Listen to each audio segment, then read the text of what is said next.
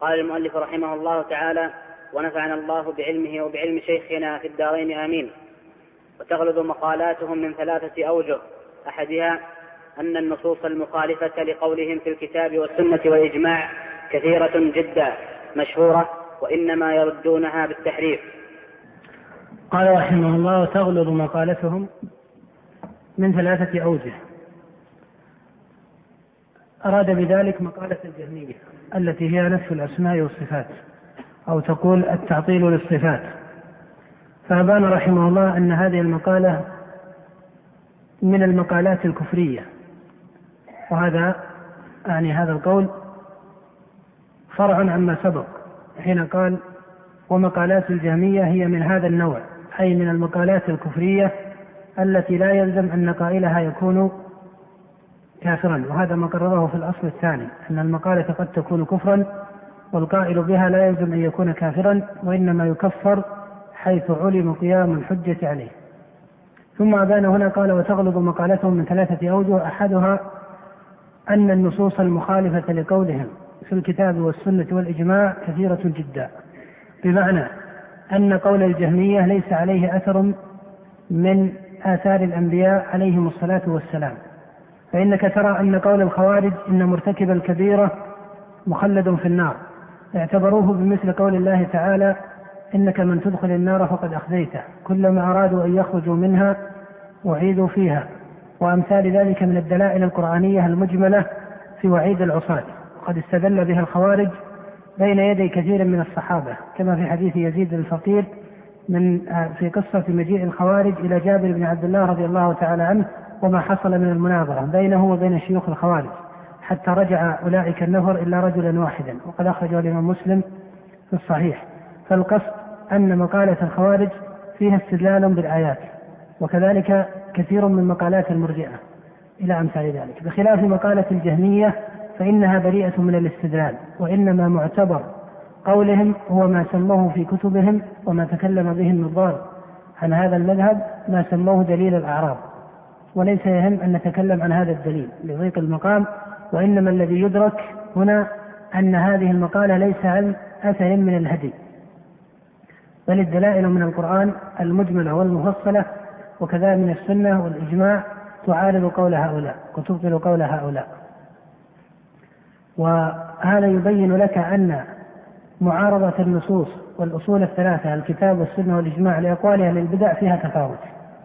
وإن كانت جميع أهل البدع باطلة بالكتاب والسنة والإجماع إلا أن هذه الإبانة من هذه الأصول يدخلها قدر من التفاوت. ولهذا ذكر شيخ الإسلام رحمه الله أن مقالة الجهمية ليس عليها أثر من آثار الأنبياء وإنما هي قول قوم من الفلاحدة الفلاسفة نقلها من نقلها من النظار إلى آه، من آه، انتصر لشيء من أصول الإسلام أو تسمى بدين الإسلام. ولهذا بين سابقا أن الجهمية يكثر فيهم من؟ يكثر في طائفتهم الزنديق وهو المنافق في الظاهر إيمانا وكافر في الباطن. نعم.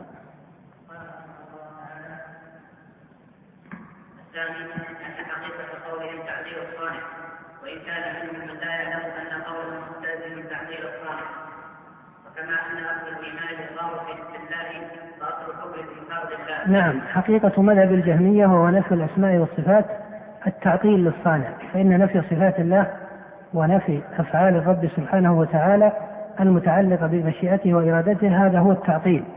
ولهذا كان إثبات الكمال له بأسمائه وصفاته. وكان نفي الصفات هو التعطيل لمقام ربوبيته ومعرفته إلى آخره.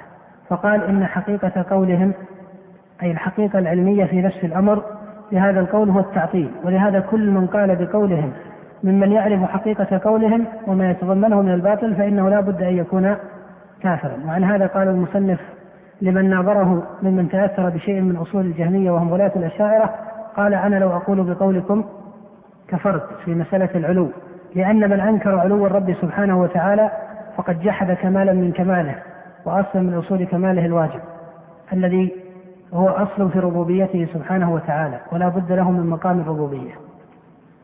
ولكن المصنف أبان هنا أن أنه لا يلزم أن من تكلم بكلمة الجهمية أو أن من نسب إلى هذه الطائفة يعلم حقيقة قوله. وعليه فإنه يقول وإن كان منهم من لا من لا يعلم أن قولهم مستلزم تعطيل الصانع. وعليه لك أن تقول إن من تحقق من هؤلاء أو بان له من هؤلاء أن قوله أو قول الجهمية تضمن أو استلزم تعطيل الصانع فالتزم به فإنه إيش؟ فإنه يكون كافرا. ما معنى تعطيل الصانع؟ أي تعطيل الله سبحانه وتعالى عن كماله. وأنت ترى أن المسلمين أجمعوا من أهل السنة وغيرهم على أن الله مستحق للكمال منزه عن النقص. هذا إجماع من إجماعات المسلمين كما حكاه المصنف وغيره. مع أنك تعلم أن أقوال الجهمية هل هي تحقيق للكمال أم هي ضرب من النقص؟ هي ضرب من نقص الباري سبحانه وتعالى. فإن كل ما خالف وعارض كماله فإنه نقص ولا بد.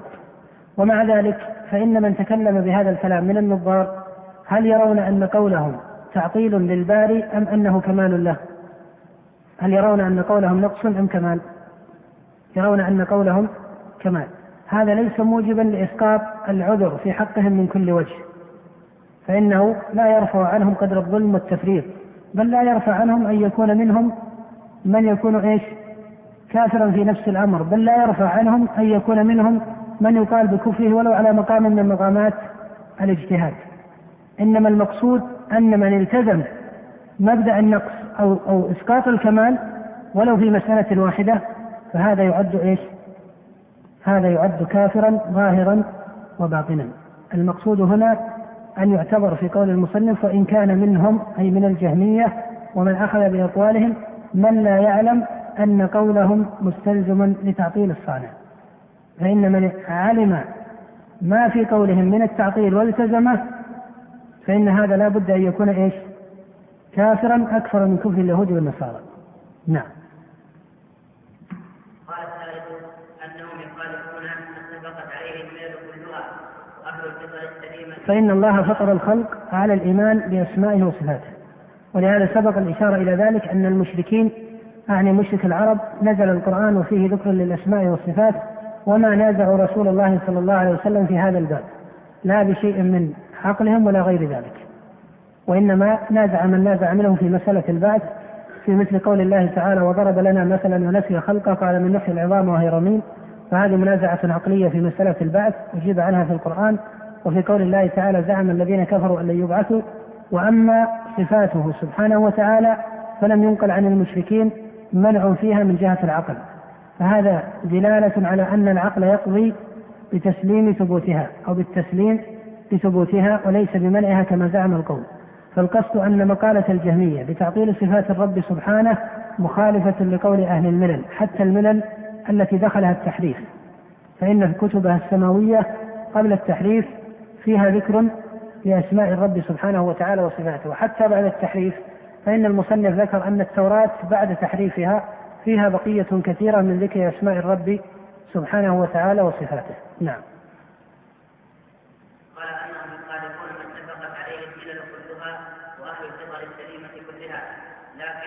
نعم. انتبه لهذا الاستدراك. وهو يتكلم الآن في مقالات وصفها في الابتداء بأنها مقالات كفرية. ثم ذكر بعد ذلك أنها مقالات كفرية مغلظة من ثلاثة أوجه. إذا ذكر ابتداء أنها مقالات كفرية. ثم قال إنها مغلظة من ثلاثة أوجه وهذا إبانة إلى أن المقالات الكفرية لا يلزم أن تكون مقالات إيش؟ متساوية بل يدخلها قدر من التفاوت. يدخلها قدر من التفاوت من جهة بيان الكفر من جهة بيان الكفر فمقالة الجهمية من أظهر المقالات من حيث مخالفتها للإجماع والنصوص ومن حيث ما تتضمنه وتستلزم من التعطيل ومن حيث مخالفتها للملل والفطرة فمع هذا التقرير من المصنف كله أن مقالات الجهمية مقالات كفرية بل هي من المقالات الكفرية الإيش؟ المغلظة مع هذا التحقيق من المصنف إلا أنه ذهب يستدرك فيقول لكن ماذا؟ قال لكن مع هذا قد يخفى كثير من مقالاتهم على كثير من أهل الإيمان حتى يظن أن الحق معهم لما يريدونه من الشبهات. ويكون أولئك المؤمنين ويكون أولئك أي من تقلد شيئا من أقوالهم.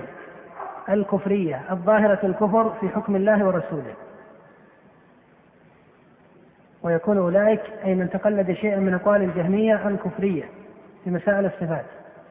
نعم. قال ويكون أولئك المؤمنون مؤمنين بالله ورسوله باطنا وظاهرا. فليسوا كفارا؟ وهذا تصريح من المصنف إلى منع القول بتكفير جميع الأعيان الذين يقولون بشيء من أقوال الجهمية وأن من قال ذلك من السلف أراد به الغالية الذين ظهر من قرائن أحوالهم الالتزام بالتعطيل. وتبين لنا أن من التزم التعطيل على حقيقته بعد ما تبين له موجبات الصواب وموجبات مناطات الكمال الصحيحة فهذا لا شك أنه لا يصدر إلا عن زندقة والإلحاد نعم. قال وإنما التبس عليهم واشتبه هذا كما التبس على غيرهم من أصناف المبتدعة فهؤلاء ليسوا كفارا قطعا.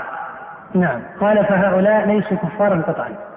وهذا تصريح متين من المصنف إلى أن القائل قد يقول قولا كفريا بالإجماع ويكون هذا القول معارضا لإيش؟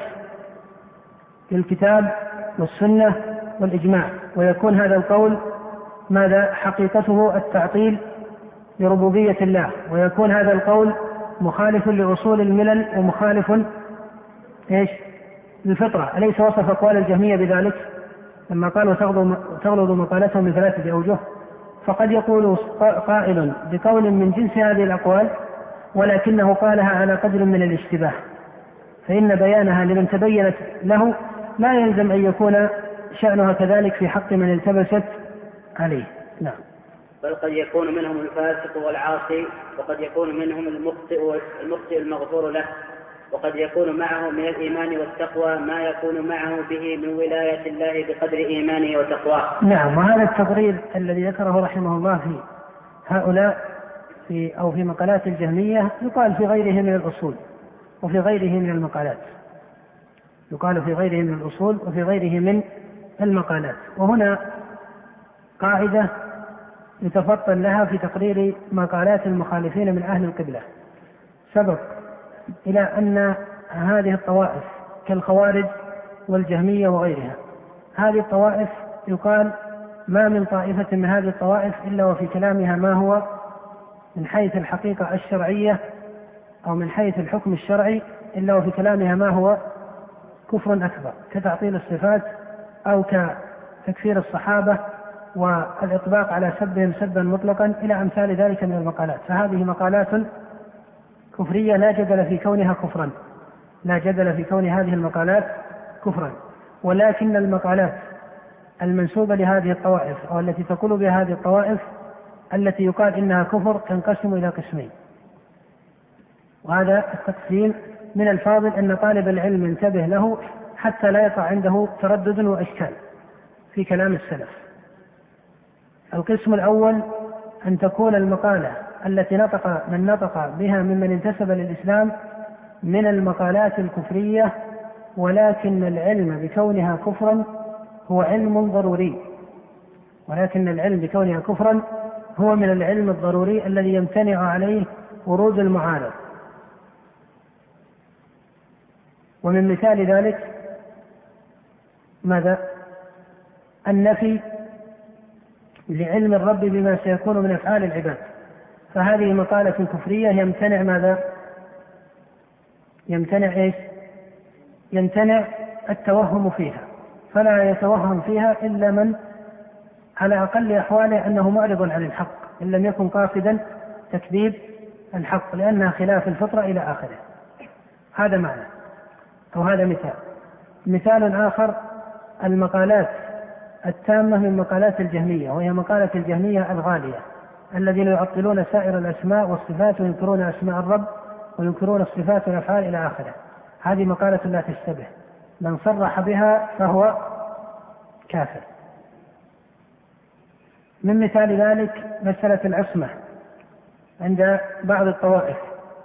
فمن نسب لقوم من أئمتهم العصمة على معنى أنهم يعلمون الغيب ويدرون عما في النفوس أو عما في الصدور أو يقدرون ما يقدرون من حوادث الكون ويسيرون هذه المسائل الكونية أو أنهم مقطوعون عن هدي النبي صلى الله عليه وسلم وأنهم يأخذون من العلم المختص أو أن لهم مقام من اللوح المحفوظ لا يعرفه محمد ولا يعرفه جبريل أو يباشرون العلم في اللوح المحفوظ من ادعى العصمة لأحد من الناس سواء سماه إماما أو وليا أو غير ذلك على هذا المعنى فهذا المدعي إيش؟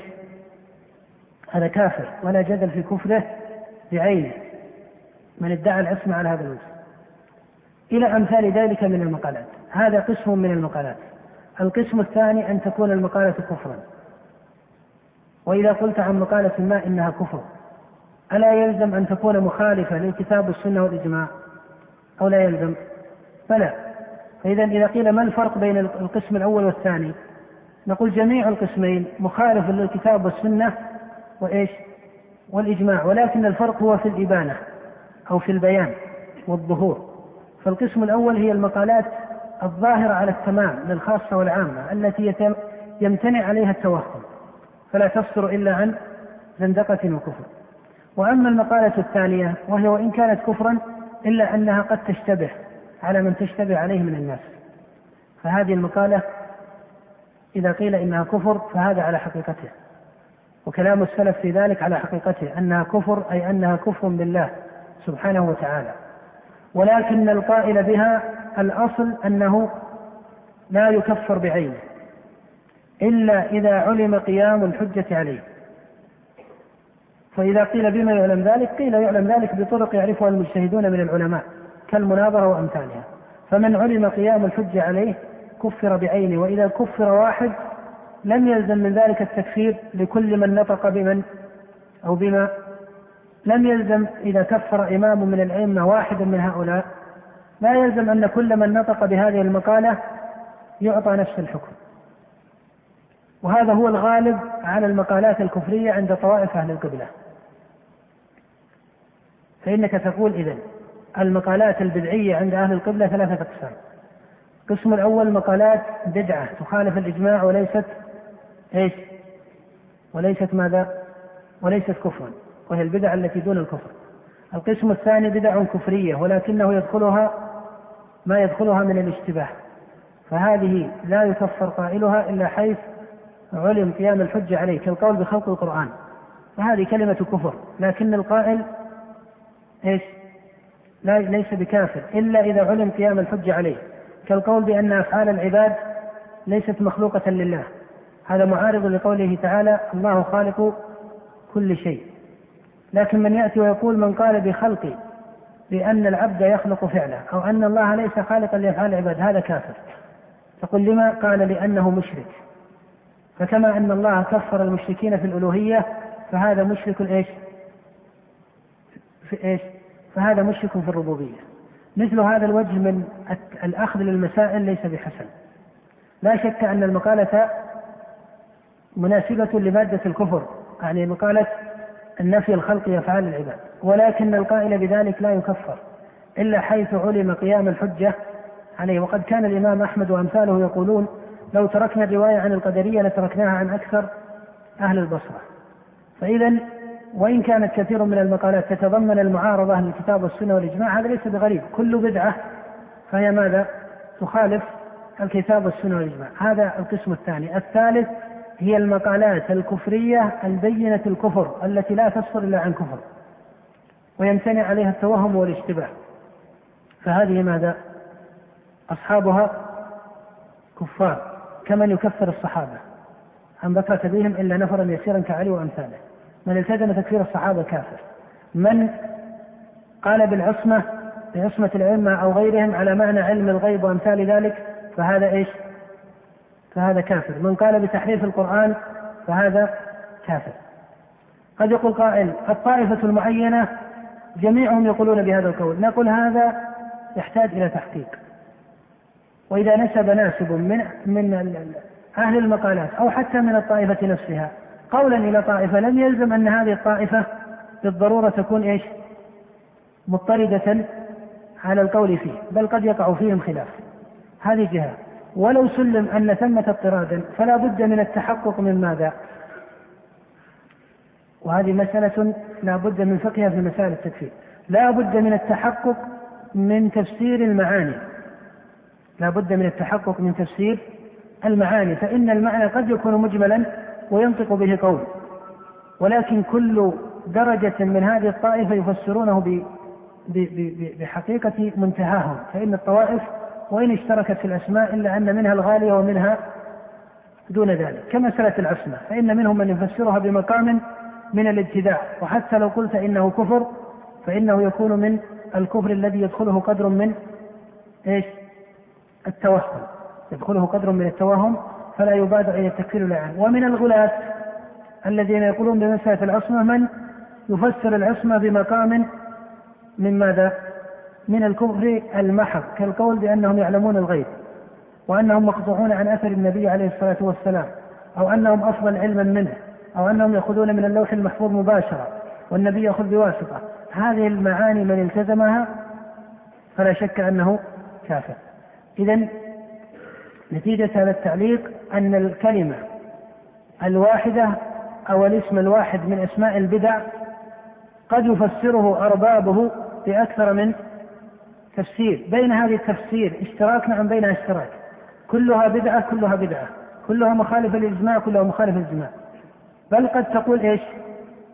إن كلا التفسيرين عند هذه الطائفة لهذا الأصل من أصولهم إن كلا التفسيرين إيش؟ كفر. لكن قسم منهم يفسرونه. تفسيرا غاليا فيكون إيش؟ من الكفر المحض البين وطائفة من هذه الطائفة أو قسم من هذه الطائفة تفسره بقول كفري ولكنه كفر يدخله قدر من التوهم. فإذا لا بد من تحقق أمرين. أن جميع الطائفة تقول بهذا القول وهذا يحتاج إلى تحقيق. ولهذا من نسب إلى جميع الشيعة أنهم يقولون بتحريف القرآن نقول الصواب أن هذا غلط. نعم. طائفة منهم يقولون بذلك. وفصل الخطاب في تحريف كتاب رب الأرباب كتاب معروف عند القول وجزء من علمائهم يقولون بذلك. من يقول بتحريف القرآن؟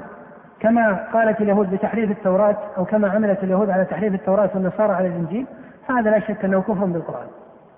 ولكن من لم يقل بذلك من علمائهم فلا يلزم ولا يجوز أن ينسب إلى هذا القول عنوة لأن من أصحابه من قال به.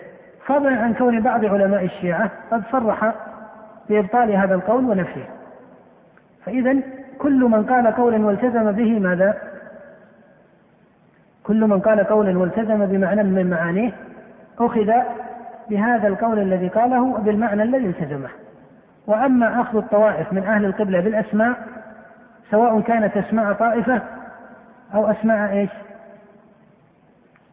من يجيب؟ سواء كانت أسماء طائفة أو أسماء بدعة. هذا ليس بحكيم. لما؟ لأن الطوائف تختلف ولأن البدعة وإن اتفق اسمها إلا أن درجتها تختلف. أنت تقول الإرجاء. هذا اسم طائفة أو اسم مقالة؟ لا الإرجاء. اسم مقالة بدعة وهي بدعة الإرجاء. من بدع الإرجاء بدعة الفقهاء الذين يقول الأئمة كشيخ الإسلام إنها من بدع الأقوال وليست من بدع العقائد وبالإجماع أنها ليست بدعة كفرية لا من الكفر المحض ولا من غيره. ومن بدع المرجئة بدعة مرجئة الجهمية المحضة التي هي كفر كما ذكره وكيع بن مهدي وأحمد. فإذا أحيانا يكون الاسم عن اسم البدعة مشتركا كما أن اسم الطائفة قد يكون مشتركا. والنتيجة هنا أن تعليق التكفير بأسماء الطوائف أو أسماء البدع ليس كافيا وحده. لا بد من اعتبار إيش؟ لا بد من اعتبار اضطراد المعاني والتزام المعاني. هل هذا القول جميعهم يقولون به؟ إذا حقق أن جميعهم يقولون به هل جميعهم فيه على درجة واحدة أم ليس كذلك؟ وأنت ترى مثلا في حتى مثلا الفناء. عند الصوفية. قوم من الصوفية يفسرون الفناء تفسيرا كالفناء عن وجود السوى. هذا يقول شيخ الإسلام هذا الفناء كفر. الفناء عن شهود السوى هذا فناء بدعي لا يصل إلى حد الكفر. الفناء عن إرادة السوى ابن تيمية يقول وهذا الفناء هو فناء الأولياء وأهل الإيمان وإن لم يذكروا هذه التسمية عند محققيهم. مع أن المصطلح؟ كله يسمى ماذا؟ الفناء.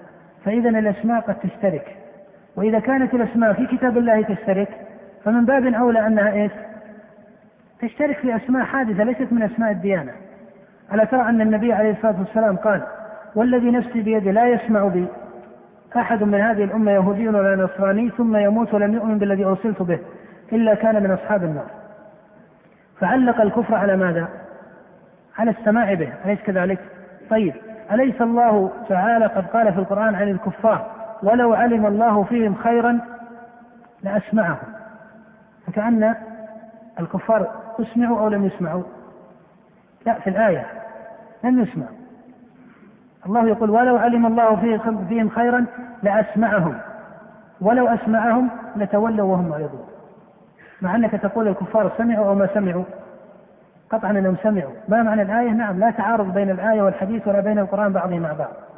نقول كثيرا الفقه الفقه للأسماء. الإمام أحمد يقول أكثر ما يخطئ الناس من جهة المجمل والقياس. هذه كلمة فقه.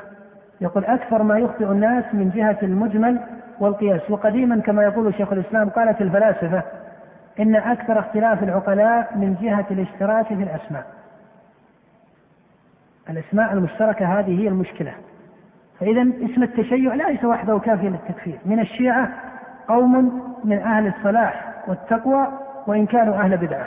كبعض الشيعة المفضلة الذين كانوا في التاريخ الإسلامي ما عندهم إلا بدعة إيش؟ التفضيل لعلي بن أبي طالب على أبي بكر وعمر مع ثنائهم على أبي بكر وعمر وليس عندهم بدعة غير تلك. هؤلاء هم فضلاء كما يقول ابن تيمية يقول هذه طريقة فضلاء الزيدية. قال فهؤلاء يعدون في أهل السنة والجماعة وإن كان قولهم بدعة. ومن الشيعة المؤلهة لعلي وأنت ترى أن الشيعة في زمن علي بن أبي طالب ظهر ثلاث طوائف. في زمن علي بن أبي طالب وانظر إلى فقه أبي الحسن رضي الله تعالى عنه. ظهر المؤلهة لعلي. فماذا فعل فيهم؟ أحرقهم بالنار. وهذا ثابت عنه وإن كان ابن عباس تعقب عليا في الإحراق وقال لو كنت أنا لقتلتهم لأن النبي يقول من بدل دينه فاقتلوه وأنه لا يعذب بعذاب الله. هذه مسألة اجتهاد بين ابن عباس وعلي وإن كان رغم فيها طريقة ابن عباس أن النبي نهى أن يعذب بعذاب الله بالإحراق بالنار. لعل عليا لم يبلغها واجتهد من باب قطع دابر الفتنة. هذا مقام من الاجتهاد على كل حال. هؤلاء المؤلهة الذين قالوا أن عليا إله ظهر في زمن علي بن أبي طالب السابة شيعة ينتسبون لعلي يسبون أبا بكر وعمر. فماذا قال علي بن أبي طالب؟ تتبع هؤلاء السابة وما بقي أحد في دائرة جيشه وعسكره ممن يسب. أبا بكر وعمر. كان موقفه رضي الله عنه من السابة غليظا. ظهر المفضلة الذين يفضلونه على أبي بكر وعمر. فكان علي يقول لا أوتى برجل يفضلني على أبي بكر وعمر إلا جلدته حد المفتري. فإذا الأسماء كلها شيعة. ولكن الحقائق ماذا؟ مختلفة. فإذا المحصل أن الاشتراك في اسم طائفة أو اسم بدعة لا يستلزم ماذا؟ اتفاق الأعيان في سائر الحقائق العلمية. لا يستلزم اتفاق الأعيان في سائر الحقائق العلمية. نعم. قال رحمه الله تعالى وأصل قول أهل السنة الذين الذي فارقوا به الخوارج والجهمية والمعتزلة والمرجئة أن الإيمان يتفاضل ويتبعض. كما قال النبي صلى الله عليه وسلم يخرج من النار من كان في قلبه مثقال ذرة من إيمان. وحينئذ فتتفاضل ولاية الله وتتبعض بحسب ذلك. وشيخ الإسلام يجعل الولاية تبع للإيمان، فكما أن الإيمان له أصل وكمال فالولاية لها أصل وكمال وتزيد وتنقص، نعم. قال وإذا عرف أصل البدع فأصل قول الخوارج أنهم يكفرون بالذنب ويعتقدون ذنبا ما ليس بذنب. نعم، إذا هم يكفرون بالكبائر بل بما يرونه من الكبائر. فإنهم قد سموا علي بن أبي طالب صاحب كبيرة مع أنه رضي الله تعالى عنه لم يفعل كبيرة. نعم. قال ويرون اتباع الكتاب دون السنة التي تخالف ظاهر الكتاب وإن كانت متواترة. ويكفرون من خالفهم ويستحلون منه لارتداده عندهم ما لا يستحلونه من الكافر الأصلي. كما قال النبي صلى الله عليه وسلم فيهم يقتلون أهل الإسلام ويدعون أهل الأوثان. ولهذا كفروا عثمان وعليا وشيعتهما وكفروا أهل صفين الطائفتين في نحو ذلك من المقالات الخبيثة. قال وأصل قول الرافضة أن النبي صلى الله عليه وسلم وكان من هدي السلف مع الخوارج وهم أول طائفة خرجت ونابذت المسلمين بالسيف أنه لم تكن مسائل التكفير عند السلف رحمهم الله وهم الصحابة الذين أدركوا هذه الفتنة لم تكن من باب المقابلات. أنهم إذا كفروا إيش؟ إذا طائفة كفرتهم قابلوا هذه الطائفة بالتكفير ولهذا فمسألة أو أخذ التكفير على وجه المقابلة هذا ليس من طرق أهل السنة كما ذكر المصنف وإنما هو مذهب ذكره بعض أهل البدع ودخل على بعض أصحاب الأشعري وهو قول حكاه البغدادي من الأشاعرة في كتبه أن من طرق التكفير أن نكفر من كفرنا من الطوائف ومن لم يكفرنا لا نكفره هذه من طرق أهل البدع. وأما أهل السنة فإنهم يقيسون التكفير بالحق سواء كانت الطائفة المقابلة بالتكفير التزمت هذا مع أهل السنة أو لم تلتزم نعم.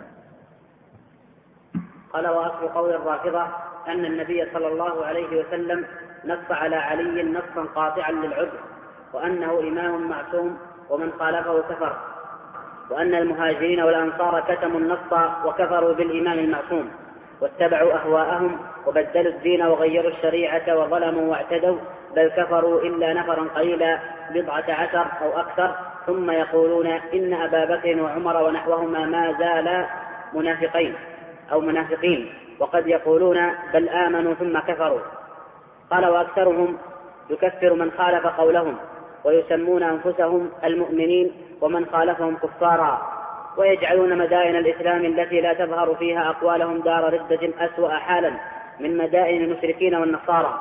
ولهذا يوالون اليهود والنصارى والمشركين على بعض جمهور المسلمين وعلى معاداتهم ومحاربتهم كما عرف من موالاتهم الكفار المشركين على جمهور المسلمين ومن موالاتهم الإفرنج النصارى على جمهور المسلمين ومن موالاتهم اليهود على جمهور المسلمين. ومنهم ظهرت أمهات الزندقة والنفاق كزندقة القرامطة, الباطنية وأمثالهم. ولا ريب أنهم أبعدوا أبعدوا الطوائف المبتدعة عن الكتاب والسنة. نعم فهذه الطائفة لا شك أنهم شر الطوائف المدعية للإسلام. وما ذكره المصنف من أصول الضلال والكفر عندهم عندهم من هذا وما هو فوق ذلك. ولهذا ذكر المصنف أن منهم ظهرت أمهات الزندقة والنفاق. وانتسب إلى هذا الاسم قوم من الكفار الذين يعلم كفرهم من الدين بالضرورة. ممن يعطلون الشرائع الخمس وممن يطعنون على قضاء الله سبحانه وتعالى بما يسمونه البداء فإن من يقول بالبداء أو يقول بالعصمة على معنى علم الغيب أو يحرف القرآن أو يقول بتحريفه أو يقول إن جبريل قد خان الأمانة وأنه آه، خدع الله أو تعالى الله عن ذلك من الأقوال التي يلتزمها من يلتزمها من هؤلاء الغلاة فهؤلاء ليسوا من الإسلام في قبيل ولا دليل. ولكن مع ذلك سبق أن بينا بالأمس أنه قد ينتسب لمثل هذه الطوائف من يكون على قدر من اشتباه الحال ولا يلتزم هذا الكفر المغلظ في سائر أقواله وإنما يلتزم أوجه من الكفر المشتبه أو الذي قد يدخله مادة من الاشتباه. وعن هذا ذكر المصنف أن مثل هذه الطائفة فيما سبق والخوارج قد تنازع أو تردد الأئمة في إيش؟ في تكفيرهم. فهل أراد رحمه الله أن الأئمة تنازعوا أو ترددوا في تكفير من يقول بالبداء على الله أو ترددوا في تكفير من يقول بالعصمة على معنى علم الغيب أو من يقول بتحريف القرآن أو من يقول بتقرير الشرك في الألوهية والتزامه ونبذ التوحيد كلا. فإن من يلتزم بمثل هذه الأصول المغلظة من الكفر فإنه يكون إيش؟ فإنه يكون كافرا سواء سمى نفسه بهذا الاسم أو بغيره. هذا لا جدل فيه. ولكن مع ذلك لا يلزم أن كل من انتسب لهذه الطائفة يلتزم جميع هذه إيش؟ الأسماء والحقائق وهذا أهم من الأسماء. هذا أهم من الأسماء. لا يلزم أن جميعهم يلتزمون جميع هذه الحقائق. فإن من التزم الحقائق التي هي من الكفر المحض البين الذي علم بالضرورة أنه كفر فهؤلاء لا شك أنهم كفار. ولهذا يكثر فيهم الزنادقة كما ذكر المصنف رحمه الله وإن لم يلزم من ذلك الاضطراد وهنا أيضا مسألة آه، كنت أردت أن أذكرها بالأمس لكن ذهل عنها إلى أن من آه، قيل فيه إنه من أصحاب المقالات الكفرية ولا يلزم بتكفيره بعينه عدم الجزم بتكفيره بعينه أو بتكفير أعيان طائفة ما هل يلزم منه الحكم بإيش؟ بإسلامهم؟ الجواب لا وهذه قاعدة فاضلة لطالب العلم أن عدم علمه بالتكفير لا يعني علمه بما بالإسلام. هذه قاعدة مهمة. أن عدم العلم بالتكفير لا يعني العلم بإيش؟ بالإسلام. وإذا قيل فبما يسمون قيل تجرى عليهم أحكام المسلمين كما أجريت على المنافقين الذين هم كفار في الباطل. فإذا الذي نريد أن نصل إليه هو أنه لا يصح أن يعلق التكفير لأعيان المنتسبين لقبلة المسلمين لا يصح أن يعلق التكفير إيش؟ بمجرد الأسماء. الخوارج الجهمية الكذا الكذا. فإنه ما من طائفة إلا وفيها غلاة وفيها متوسطون وفيها مقتصدون. في الغالب. ما من طائفة في الغالب إلا وفيها كذلك. وأحيانا بعض الطوائف قد لا يكون فيها قوما مقتصدين كالجهمية مثلا. فإنه لا مقتصد فيهم ولكنهم مع ذلك درجات. ليسوا وجها واحدا. فالقصد أنه لا يعلق التكفير بالأسماء. لا بأسماء الطوائف ولا بأسماء إيش؟ البدع. وإنما يعلق التكفير بالمعاني التي يلتزمها أصحابها. فهذه المعاني بأي اسم عبر بها إن كانت من الكفر المحض قيل إن صاحبها إيش؟ كافر. وإن كانت من الكفر الذي قد يدخله قدر من التوهم توقف في تكفير صاحبها. وإذا توقف في تكفيره فلا يلزم القطع بأنه مؤمن ظاهرا وباطنا بل قد يكون إيش؟ منافقا بل قد يكون منافقا ولهذا إذا قلت إن الطائفة المعينة ليسوا كفارا لا يلزم أن تقول إن جميع أعيانهم إن جميع أعيانهم إيش؟ مسلمون يعني من قال إن الطائفة المعينة ليست طائفة كافرة بأعيانها لا يلزمه أنه جعل جميع الأعيان على الإسلام أو جزلهم بالإسلام الظاهر والباطن. بل عدم الجزم بالكفر لا يعني الجزم بثبوت الإسلام. قد يقول قائل إذا لا يبقى أن لنا علما بهم نقول وليكن ذلك. الله ذكر ذلك عن نبيه في كتابه في مسألة المنافقين أن أن كثيرا من المنافقين لم تعلم حالهم. نعم. قال رحمه الله تعالى ومنهم ظهرت أمهات الزندقة والنفاق كزندقة القرامطة الباطنية وأمثالهم. نعم الباطنية الباطنية الغلاة الباطنية الغلاة وهم الذين آه، أتوا إلى البيت الحرام في زمن القرامطة وأخذوا الحجر الأسود وكان شاعرهم أو آه، الحاكم بأمره يدعي مقاما من الألوهية ومقاما من الربوبية. من يدعي مقام الربوبية أو مقام الألوهية؟ لنفسه أو لغيره. فهذا هذا كافر. من يشرك في الألوهية شركا صريحا فهذا هذا كافر كما كفر الله أبا جهل وأمثاله من المشركين الذين كفروا بلا إله إلا الله. ولكن الأسماء لا تضطرب. لما؟ لأن الدولة ما يسمى بالدولة الفاطمية والدولة العبيدية لما ظهرت في مصر وبنوا القاهرة أو قاهرة مصر هم الذين بنوا القاهرة. وبقوا في مصر يحكمون مصر آه، مئة سنة. المصريون كما تعرفون ما كانوا أهل الشيعة أساسا. فأجبر من أجبر منهم ولا سيما من كان قريبا إلى البراء. وإلى حاشية الدولة العبيدية ذاك فأظهر كثير منهم الانتصار لهؤلاء والتشيع على اسم هؤلاء فهل هؤلاء العامة الذين أظهروا هذا التشيع وخدعوا بالتشيع الذي هو الانتصار لعلي بن أبي طالب هل يقال إنهم بمجرد إنهم سموا أنفسهم باسم هؤلاء يعطون حكمهم الذي هو في الباطن؟ الجواب كلا لأن الطوائف الباطنية من هؤلاء وغيرهم من طرق باطنيتهم أنهم لا يبوحون بحقائق الباطنية لمن؟ لعامتهم. فإذا كانوا لا يبوحون بالباطنية لعامتهم فلماذا يكفر العامة منهم؟ مع أنهم لا يعرفون هذا الباطل ولا يقولون به أصلا. فاذا لا يعتبر القول بالتكفير بالأسماء وإنما بالحقائق. نعم. قال ولا ريب أنهم أبعد طوائف المبتدعة عن الكتاب والسنة ولهذا كانوا هم المشهورين عند العامة بالمخالفة للسنة. فجمهور العامة لا تعرف ضد السن ضد السني السني إلا الرافضي. فإذا قال أحدهم أنا سني فإن فإنما معناه لست رافضيا. يعني التقسيم هذا السنة والشيعة هذا تقسيم. هذا التقسيم العام. التقسيم الخاص السنة ويقابلها البدعة على طوائف أهل البدع الأخرى. نعم. قال ولا ريب أنهم شر من الخوارج. من جهة العقائد. لا ريب أنهم شر من الخوارج.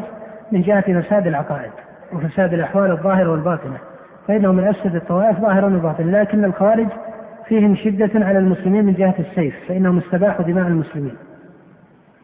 لكن الخوارج كان لهم في مبدأ الإسلام سيف على أهل الجماعة وموالاتهم الكفار أعظم من سيوف الخوارج. فإن القرامطة والإسماعيلية ونحوهم من أهل المحاربة لأهل الجماعة وهم منتسبون إليهم. منتسبون إليهم. ولكن كما أن الشيعة تنتسب لها القرامطة والإسماعيلية فتنتسب للشيعة أيضا الزيدية من المفضلة. وهذا يدلك على أن الشيعة هو اسم عام. لا يعلق التكفير بكل شيعي. هذا غلط. لا شك أنه غلط عقلا وشرعا. فإن من الشيعة قوم عرفوا بأنهم مسلمون لا جدل في إسلامهم. كالشيعة إيش؟ كالشيعة المفضلة لعلي بن أبي طالب على أبي بكر وعمر. هذا قول قاله قوم من الشيعة وعليه طائفة معروفة منهم من أصول الزيدية وإن كان من الزيدية من فسد مذهبه فيما بعد. ولكن مثل هذه الطائفة المفضلة لعلي هذا بإجماع المسلمين أنهم ليسوا كفارا مع أنهم يسميهم الناس وهم يسمون أنفسهم شيعة. فإذا تعليق التكفير باسم الشيعة أو غير هذا ليس بصحيح.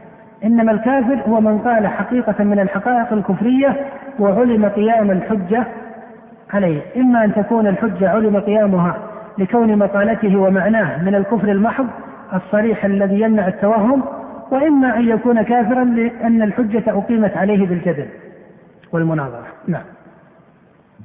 قال وأما الخوارج فهم معروفون بالصدق والروافض معروفون بالكذب والخوارج مرقوا من الإسلام وهؤلاء نابذوا الإسلام نعم.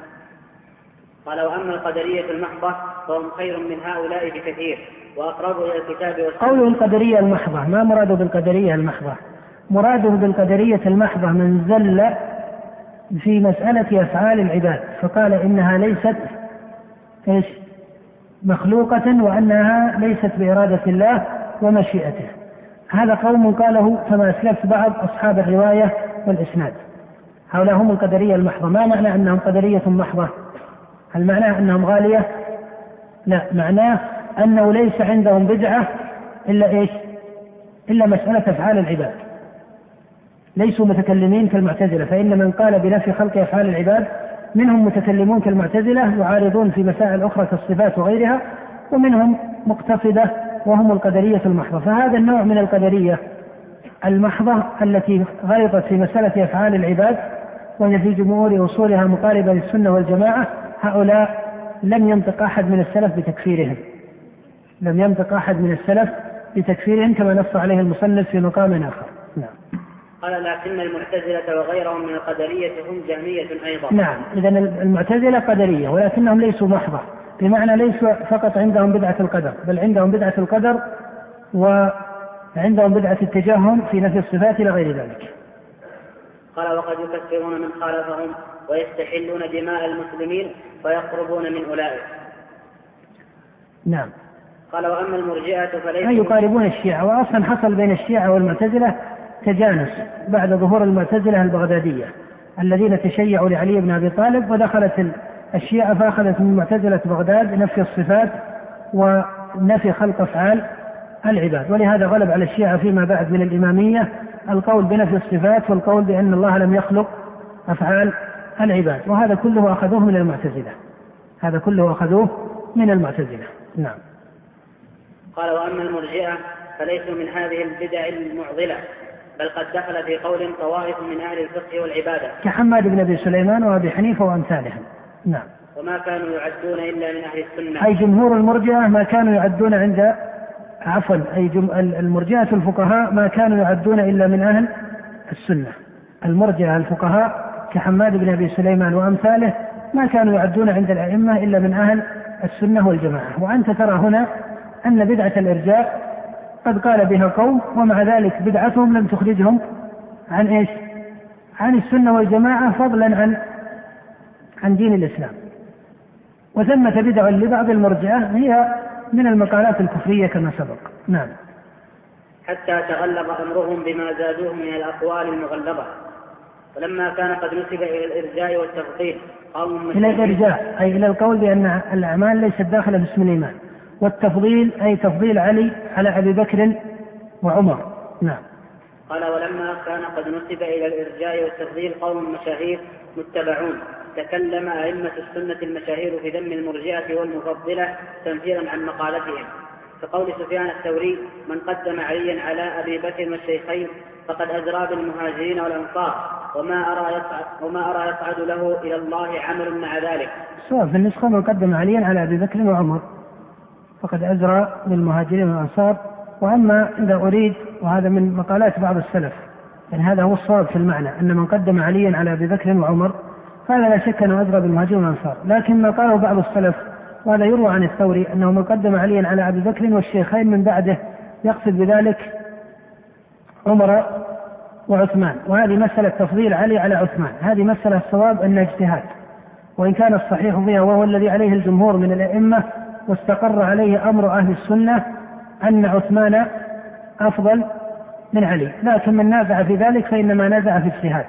والإمام أحمد رحمه الله يرى أن المنازع في ذلك ليس صاحب بدعة ولا يبدع بل قوله اجتهاد كما ذكر ذلك عنه شيخ الإسلام ابن تيمية رحمه الله في الواسطية وغيرها. فإذا المسألة المحكمة هي تقديم أبي بكر وعمر على غيرهم. أما التفضيل لعلي على عثمان فهذه مسألة في أصلها كانت مسألة نزاع بين أهل السنة والذي عليه جمهورهم التفضيل لعلي عفوا لعثمان وهو الذي استقر عليه أمرهم. لكن المسألة ليس فيها محكم وقاطع. ليس فيها محكم وقاطع. وأما هذا الاستدلال من قدم عليا على أبي بكر وعمر وعثمان فقد أجرى بالمهاجرين والأنصار نعم من قدمه على أبي بكر فقد أجرى بالمهاجرين والأنصار من قدم عليا على عمر فقد أجرى بالمهاجرين والأنصار لكن من قدم عليا على عثمان في التفضيل هل هل نقول إنه أجرى بالمهاجرين والأنصار؟ الجواب لا يلزم هذا. من يقول ذلك ما مأخذه؟ مأخذه أن عبد الرحمن بن عوف لما استشار الناس بين عثمان وعلي في الخلافة قدموا من؟ قدم المهاجرون والأنصار من؟ قدموا عثمان. أولا هذا ليس بلازم لأن هذا كان في الخلافة والمسألة هنا مسألة إيش؟ التفضيل ولا تلازم بين التفضيل والخلافة. والدليل على أنه لا تلازم بينهما أنه لو كان يلزم أن الفاضل هو الخليفة لجعلها عمر في ستة أو حسمها في واحد. إيش؟ لحسمها عمر في من؟ في واحد إلا أن يكون عمر ليس عنده وضوح وانضباط في أي هؤلاء الستة هو الفاضل. فإذا رجعنا إلى ذلك فهذا أيضا لا بأس به. معناه أنه ليس هناك اضطراب عند الصحابة في تقديم عثمان على علي هذه جهة الجهة الثانية أنك تعلم أن من أئمة الستة الشوريين في في خلافة عمر أي الذين جعلهم عمر في رأس أو عليهم مدار الخلافة من أسقط حقه لمن؟ لعثمان والآخر أسقط حقه لعلي. فهذا الذي أسقط حقه لعلي قدم من؟ قدم من؟ قدم عليا. فهل نقول إنه خرج من البدعة هذا ليس بصحيح. المسألة مسألة اجتهاد وإذا قيل ما الصواب قيل الصواب. الذي عليه جمهور أهل السنة واستقر عليه أمرهم التقديم لعثمان. هذا في الفضيلة. وأما في الخلافة فلا شك أن عثمان قبل علي. هذه مسألة مجمع عليها. نعم. قال أو نحو هذا القول قاله لما نسب إلى تقديم علي بعض أئمة الكوفيين. وكذلك قول أيوب السختياني من قدم عليا على عثمان فقد أجرى بالمهاجرين والأنصار. قاله لما بلغه ذلك عن بعض أئمة الكوفيين. هذا اجتهاد هذا اجتهاد والصواب أن المسألة ليست من القطعيات بل هي مسألة اجتهاد لأن هذا في الخلافة التقديم ولأنه ليس صحيحا أن سائر المهاجرين والأنصار قدموا عثمان على علي. فإن من أسقط حقه في الابتداء هذا واحد. اثنين أن عمر استخلف الستة مما يدل على أو جعلها في الستة مما يدل على قدر من التردد والتساوي عنده إلى آخره. ثم إن عبد الرحمن بن عوف إنما اعتبر الأمر بالغلبة وليس بالضرورة بجميع الأعيان. نعم. وقد روي أنه رجع عن ذلك. وكذلك قول الثوري ومالك والشافعي وغيرهم في ذم المرجئة لما نسب إلى الإرجاء بعض المشهورين. يقصد بذلك بعض الفقهاء من أهل الكوفة. قال وكلام الإمام أحمد في هذا الباب جار على كلام من تقدم من أئمة الهدى. ليس له قول ابتدعه ولكن أظهر السنة وبينها وذب عنها وبين حال مخالفيها وجاهد عليها وصبر على الأذى فيها لما أظهرت الأهواء والبدع. وقد قال الله تعالى وجعلنا منهم أئمة يهدون بأمرنا لما صبروا وكانوا بآياتنا يوقنون. فالصبر واليقين بهما تنال الإمامة في الدين. فلما قام بذلك قرنت باسمه من الإمامة في السنة ما شهر به وصار متبوعا لمن بعده كما كان تابعا لمن قبله. وإلا نعم. وإلا فليس له اختصاص. لا هو ولا غيره فليس لأحد اختصاص. فإن السنة اللازمة هي من ضبط في كتاب الله وسنة نبيه وأجمع عليه السلف. وأجمع عليه السلف. وأما أقوال أحدهم كأحمد أو غيره ممن قبله أو قارنه فهذا ليس من السنة اللازمة إلا إذا كان قوله على هدي إجماع أو انضباط عن من سلف. وإنما أشير إلى الإمام أحمد كثيرا لما قارن حاله من الانتصار للسنة والرد على أهل البدع وما إلى ذلك. وإلا فجميع الأئمة الأربعة وأمثالهم هم من أئمة السنة والجماعة ولا جدل في ذلك. نعم. قال وإلا فالسنة هي ما تلقاه الصحابة عن رسول الله صلى الله عليه وسلم وتلقاه عنهم التابعون ثم تابعوهم إلى يوم القيامة.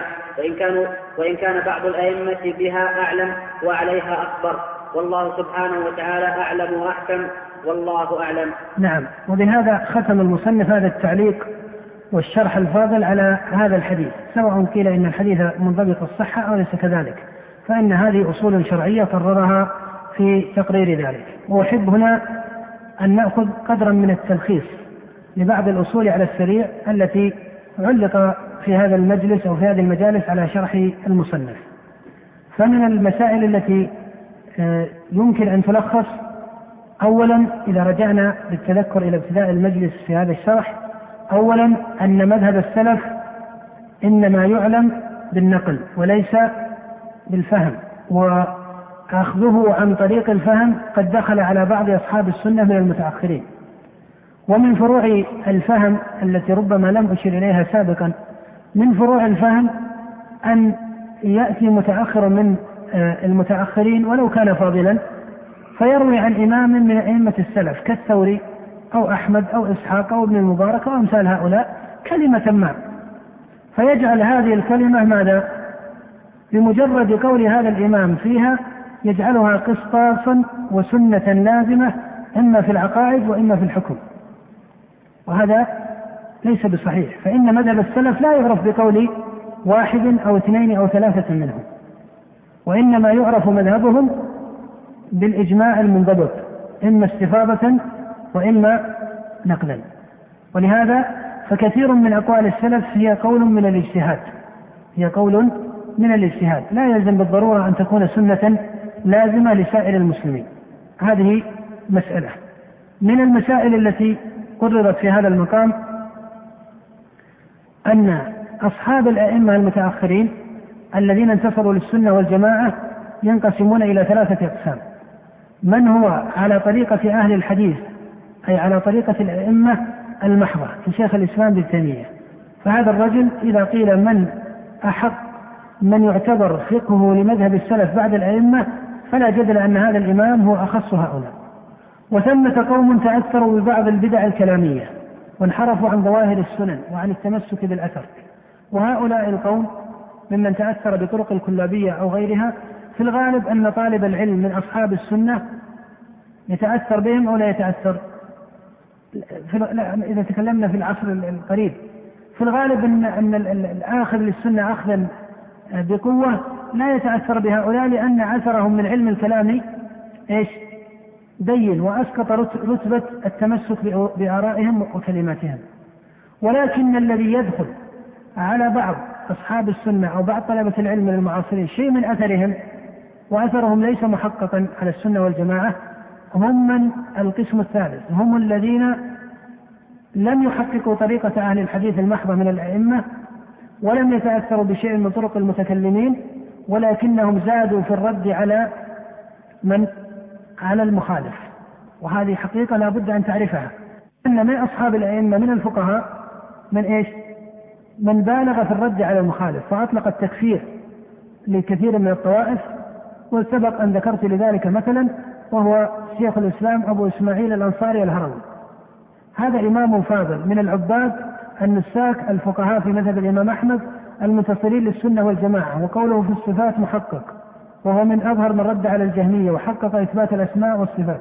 هو إمام فاضل فيه كمالات لكن هو متصوف. أولا شديد الغلط في التصوف عنده بدع في مسألة القدر وغيرها عنده فيما يختص بمقامنا هذا أنه يبالغ في التعنيف على المخالف ويكفر الأعيان ويكفر الأشاعرة بالجملة ويكفر الشيعة أحيانا بالجملة إلى آخره. هذه طرق ما كانت مضطردة عند السلف. هذه طرق ما كانت مضطردة عند السلف. وإذا كفر السلف طائفة فإنما أرادوا من التزم حقائق الأقوال الكفرية البينة الكفر. كما كفر السلف مثلا الجهمية أرادوا الجهمية المغلظة الغلاة الذين عطلوا الرب سبحانه عن سائر أسمائه وصفاته. وأما من دخل عليه مادة من التجهم فهذا لم يكن كافرا عند السلف. بالتعيين وإن كان عدم الحكم بتكفيره لا يستلزم الحكم بإيش؟ بإسلامه وإيمانه. إذا تفطن لهذا مثل ابن حزم رحمه الله. ابن حزم أيضا يندفع في تكفير الأعيان. فيقول مثلا وقال أبو هاشم الزباعي الكافر النذل كذا كذا. هذه من أساليب ابن حزم. هو يندفع في مسائل التكفير أحيانا. مع أنه يرجع وهذا من عجائب ابن حزم أنه في كتاب الفصل كفر كفر بالطائف وكفر بالأعيان. من تكفير لأبي هاشم الجبائي لكن لما جاء في كتاب الأصول قرر قاعدة تعد من أوسع القواعد في درء التكفير. أخذها شيخ الإسلام ابن تيمية وانتصر لها ولكنه قيدها. وهي أن كل من أراد الحق من جهة النبي صلى الله عليه وسلم فأخطأه فأخط... أن كل من أراد الحق واجتهد في طلبه من جهة الرسول عليه الصلاة والسلام فأخطأه فإن خطأه مغفور له.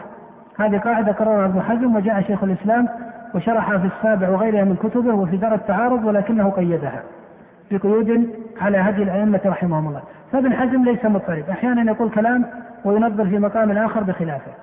فالنتيجة من هذا أن اعتبار مسائل التكفير يؤخذ من إطباقات السلف واستفاضة أقوالهم.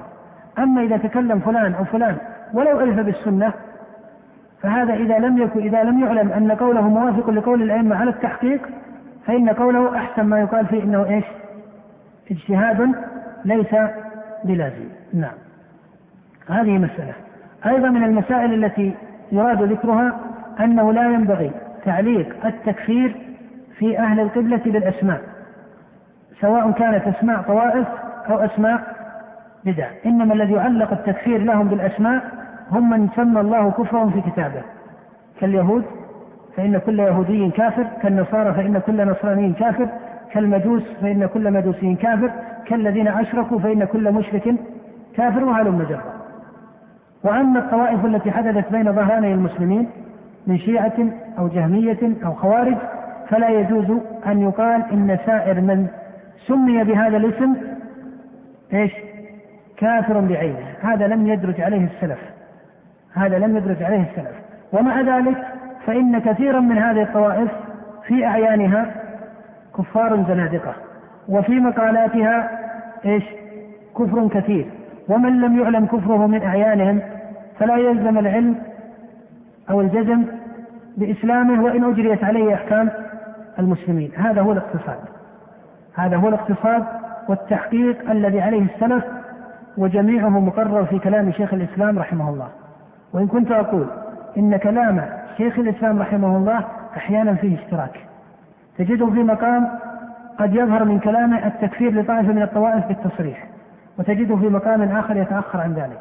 هذا لأن الأسماء مشتركة.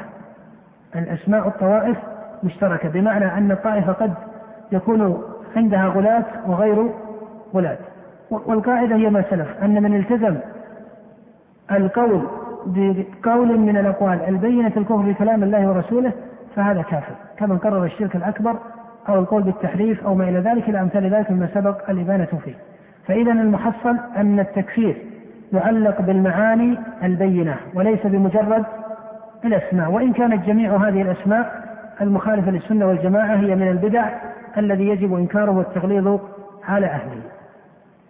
هذه مجمل هذه المسائل.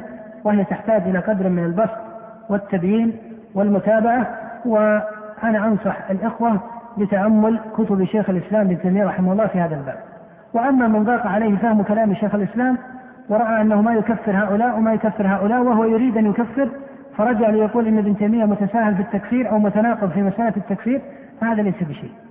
هذا هو الذي متناقض وهو الذي جاهل وهو الذي غالب في هذه المسألة. شيخ الإسلام رحمه الله لا يوجد بعد الأئمة رحمهم الله أعدل منه ولا أفقه منه. فهذا الإمام لا يطعن فيه إلا جاهل ولا ينزله من مقام من مقامات العلم إلا جاهل. وكما أسلف أن الشيخ محمد بن عبد الوهاب رحمه الله ما التزم التكفير للشيعة بل لما ذكر مسألة السب قال إن فيها تفصيلا. فمن سب الصحابة على معنى التكفير لهم فهذا كفر وصاحبه كافر لكن من سب على معنى أخذ أموال آل البيت وما إلى ذلك فهذا ليس بكفر. والشيخ رحمه الله علي محمد بن عبد الوهاب ذكر أن من السب ما هو كفر بين ومن السب ما ليس كفرا ومن السب ما هو متردد فيه ينظر في قائله وإقامة الحجة عليه. وهذا التفصيل هو الذي نقصد إلى ذكره. لا نقصد إلى ذكر عدم التكفير وإنما نقصد إلى ذكر التفصيل والتحقق من ثبوت الكفر على المعين. وإلا في الأصل أن من شهد الشهادتين فإنه يسمى من شهد الشهادتين وأظهر الصلاة والزكاة وحج البيت وصوم رمضان فهذا الأصل أنه يسمى يسمى مسلما. كما سمى الله سبحانه وتعالى من لم يدخل الإيمان في قلبه مسلما وكما دخل المنافقون في اسم الإسلام. وقد قال شيخ الإسلام رحمه الله إن المنافقين النفاق الأكبر يدخلون في اسم المسلمين بإجماع العلماء. وكان الصحابة يوارثونهم ويناكحونهم ويسلمون عليهم ويردون عليهم السلام وإلى آخره. فما كانوا يخصون في الجملة بشيء من الأحكام. فهذا الذي ينبغي القصد إليه ونسأل الله سبحانه وتعالى أن يرزقنا السداد والصواب في القول والعمل.